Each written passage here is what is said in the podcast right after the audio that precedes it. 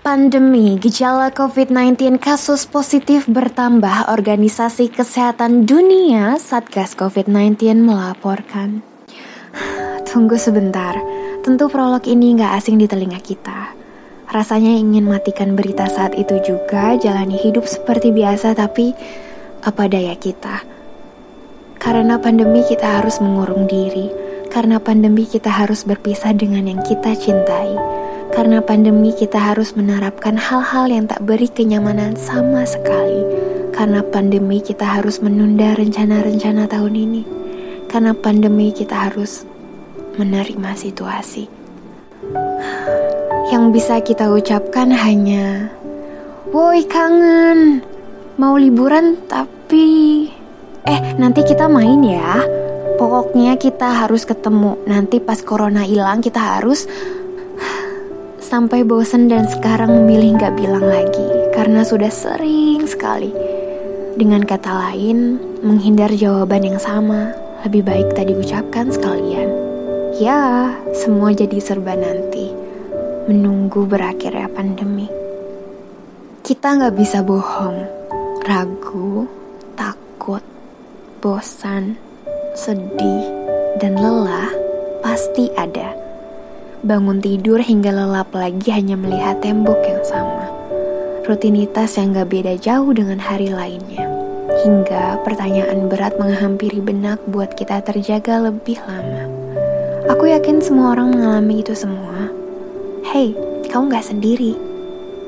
Hmm, bicara soal di rumah saja, kita nggak lagi bersaing atau berkompetisi siapa yang lebih produktif. Enggak Justru kita bisa saling menguatkan, saling berbagi hal positif, saling sebar energi baik di tengah situasi pelik. Beradaptasi awalnya sulit, ternyata makin sini makin menarik. Melakukan semua dari rumah jadi kebiasaan dan tantangan baru dari perubahan. Banyak konten jenaka, konten penyemangat, konten kreatif, konten yang buat kita mikir, kok ada ya orang bisa kepikiran ide ini? Kok ada ya orang sekeren ini? Kok bisa ya dia lakukan itu? Melihat yang lain menyikapi pandemi dengan cara yang beda, kita jadi ikut bangkit. Bebannya berkurang sedikit demi sedikit. Dan ini teruntuk orang-orang yang ada selama pandemi. Teruntuk yang abai protokol kesehatan. Apa yang ada di benakmu? Ini bukan tentang dirimu seorang, tapi jutaan nyawa taruhannya. Semua orang merasakan hal yang sama. Bisakah kita berjuang sama-sama? Atau pada akhirnya kita yang akan menikmati hasil perjuangan ini, bukan?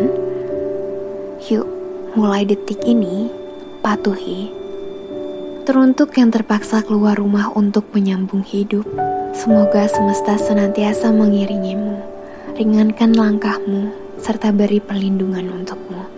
Teruntuk yang telah melahirkan karya, yang ciptakan senandung beri kami tenang, yang buat kami terbahak, yang buat kami lebih memaknai hidup. Terima kasih telah menemani hari-hari kami.